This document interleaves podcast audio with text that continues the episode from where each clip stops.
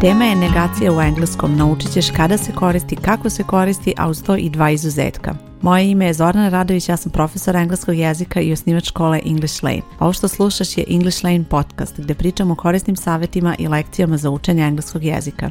Sada slušaš epizodu broj 133 i u ovoj epizodi pričat ću o tome šta je negacija u engleskom i kada se i kako koristi. Pa da počnemo od toga šta je negacija u engleskom, Negacija je kada želiš da kažeš da nešto nije, odnosno želiš da negiraš glagol koji koristiš. Dakle, recimo, ako kažeš za sebe da voliš da piješ kafu, to je pozitivna rečenica i ukoliko želiš da negiraš ovu rečenicu, odnosno da kažeš da to nije tako, onda ćeš koristiti negaciju, reći ćeš ja ne volim kafu i to je nešto što ćeš naučiti u engleskom, kako kreneš da učiš engleski jezik, naučit ćeš prvo da kažeš da nešto jeste, a onda ćeš odmah naučiti da kažeš da nešto nije i to je ta negacija, odnosno često će biti to nazvano odričan oblik. Dakle, kada naučiš potvrdan oblik za neki glagol za neko vreme, naučit ćeš i odričan oblik, odnosno kako da negiraš taj glagol. Dolazimo do druge stavke, a to je kada se koristi negacija.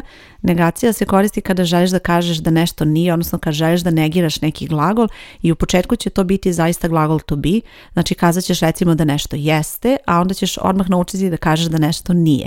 Recimo naučit ćeš da kažeš ovo je knjiga, this is a book, a odmah ćeš naučiti da kažeš ovo nije knjiga, this is not a book.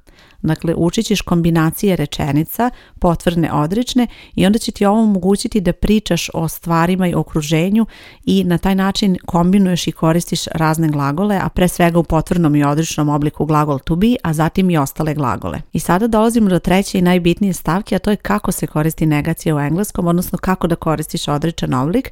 I kada je u pitanju engleski jezik, ovo nije nešto što je komplikovano, ali je problem što mnogi ljudi koriste razne jezike, pre svega imaju jezik, mnogi govore još neke druge jezike i onda to utiče na to kako ćeš ti razmišljati o odrečnom obliku u engleskom i zato je bitno da kada učiš engleski jezik fokusiraš se na pravila koja postoje u engleskom jeziku, a ona su za odrečan oblik veoma jednostavna i vidjet ćeš da to nije komplikovano upotrebiti, samo je bitno da obratiš pažnju na pravila koja postoje. Da napraviš odrečan oblik koristit ćeš not, Dakle, not nije no. Mnogi koriste no u nekim rečenicama. Može se koristiti no da se napravi negacija u rečenici, ali to je nešto što nećeš učiti na početnom nivou. Na početnom nivou se fokusira i na ovu pravilnu upotrebu reči not i kako ćeš je upotrebiti u rečenicama. Počet ćemo od glagola to be, to je najjednostavniji glagol za pravljanje odrečnih oblika i nešto što ćeš prvo naučiti kada je u pitanju gramatika engleskog. Imamo oblike am, is, are, to su oblici glagola to be koji se koriste u zavisnosti zavisnosti od lica i da napraviš odrečan oblik, odnosno da napraviš negaciju, koristiš not, dodaješ not posle tog glagola. Dakle, bit će u potvrdnom obliku I am, a u odrečnom će biti I am not. Onda će biti you are, u odrečnom je to you are not. Dakle, samo dodaješ not. Za she is bit će she is not i tako dalje za sva lica. Ovo je nešto što ćeš naučiti kada učiš glagol to be, učit ćeš kako se menjaju ovi oblici kroz lica u jednini i množini i onda ćeš učiti da posle toga samo dodaješ not i praviš odričan oblik. Ono što je bitno da zapamtiš kada kreneš da učiš vremena u engleskom jeziku je da svako vreme ima pomoćni glagol, Pomoćni glagoli su glagol to be, dakle ovo prvo što sam rekla prethodno glagol biti, to je kada je glagol biti glavni glagol. Međutim, taj isti glagol može biti i pomoćni glagol i to je nešto što ćeš učiti recimo kada učiš vreme present continuous, učit ćeš pomoćni glagol to be da je to deo tog vremena. Osim glagola to be, glagoli to do i to have su također pomoćni glagoli u engleskom jeziku i koriste se za različite vremena. Ono što je bitno da zapamtiš je da kada koristiš vremena i želiš da upotrebiš negaciju, bitno je da negiraš pomoćni glagol. To znači da će not biti uz pomoćni glagol i evo sada ću odmah reći nekoliko primjera da ti bude jasnije kako to izgleda. Rečenica she does not work in a bank.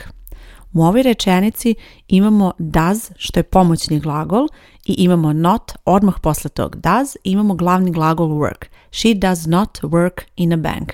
Ova rečenica je u vremenu present simple, does je pomoćni glagol koji se koristi za to vreme i napravljena je odrična rečenica, znači does not work je odrična rečenica. Ova rečenica znači ona ne radi u banci. Sljedeća rečenica, we have not seen it. U ovoj rečenici imamo have i to je pomoćni glagol, onda imamo not posle pomoćnog glagola i imamo sin, to je glavni glagol koji je u trećoj koloni, odnosno to je prošli particip, a vreme je present perfect. Opet primećuješ da not stoji uz pomoćni glagol i tako je za svako vreme. Dakle, kada imaš neko vreme, bez obzira da li se koristi glagol be, do ili have, uvijek je not uz taj glagol pomoćni, a zatim se dodaje glavni glagol. Ono što bi bilo nepravilno i nešto što sam viđala kroz zadatke pisanja u mojoj školi je recimo rečenica she not work in a bank ili recimo she are not work in a bank ili sam viđala i rečenice she work not in a bank.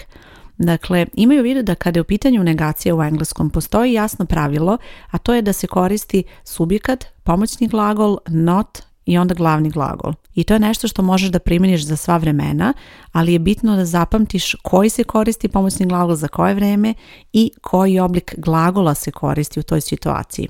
Kada učiš engleski u mojoj školi, vidjet ćeš da je u okviru kurseva raspoređeno kako ćeš učiti vremena, pojedinačno postoje lekcije o različitim oblicima i to je nešto što treba da naučiš i dobro provežbaš kroz vežbanje i aktivnosti koje te očekuju posle lekcije, jer to je nešto što ćeš koristiti i nešto na što možeš da se osloniš. Dakle, to su pravila, odnosno nešto što ti je sigurno da možeš da upotrebiš i da znaš da nećeš pogrešiti nemoj odmah razmišljati o nekim izuzecima i nekim situacijama da li bi moglo to da se kaže na neki drugi način ili kao što sam pomenula recimo ono no, da li možeš da upotrebiš no, da možeš ali u nekim specifičnim situacijama i to je nešto što ćeš učiti mnogo kasnije kada počinješ sa učenjem engleskog jezika, posebno kada su u pitanju vremena potvrdan, upitan i odrečan oblik, vrlo je bitno da naučiš pravila i da ti to bude jasno, tačno kako se koristi, jer to je ovako kao neka matematička formula. Dakle, imaš pravilo tačno šta se koristi, koji red reči i to je nešto što moraš da usvojiš na početku, da to znaš sigurno, jer kada to znaš, onda možeš da praviš razne varijacije, možeš da e, menjaš red reči u zavisnosti od nekih situacija kada može da se upotrebi recimo no ili neka druga reč da se negira, ali to je nešto što ćeš učiti kasnije kada budeš imala dobru osnovu. Zato je bitno da u početku naučiš dobro, posebno ovakva pravila kao što je recimo ovo za negaciju u engleskom. Postoji još jedna stvar kada je u pitanju negacija, odnosno kako se koristi negacija u engleskom, a to je da postoje skraćeni oblici. Skraćeni oblici su kada spojiš pomoćni glagol i not i to izgleda ovako. She doesn't work in a bank. Dakle, možeš reći she does not work in a bank a možeš reći she doesn't work in a bank. Ono što se povremeno javlja kao nedoumica ovdje je da li upotrebiti not ako već postoji doesn't i znaj da ti to ne treba jer doesn't već u sebi ima not. Doesn't je skraćeno does i not spojeno u jednu reč koristeći apostrof i kada upotrebiš doesn't ili bilo koji drugi pomoćni glagol sa not može biti recimo haven't, hasn't, don't i tako dalje, tada ne dodaješ not, zato što not već postoji u toj reči. Zapamti, she doesn't work in a bank, bilo bi pogrešno reći she doesn't not work in a bank. Isto je rečenica we haven't seen it. We have not seen it je spojeno u we haven't seen it. I sada dolazimo do dva izuzetka kada je u pitanju negacije u engleskom, a to su sljedeće reči. Imamo am not, to je glagol to be za prvo lice jednine, I am not. I naravno opet glagol to be može biti i pomoćni glagol, pa možeš reći recimo ako je glavni glagol I am tall, a možeš reći I am reading a book. U prvoj rečenici je am glavni glagol, u drugoj je pomoćni glagol.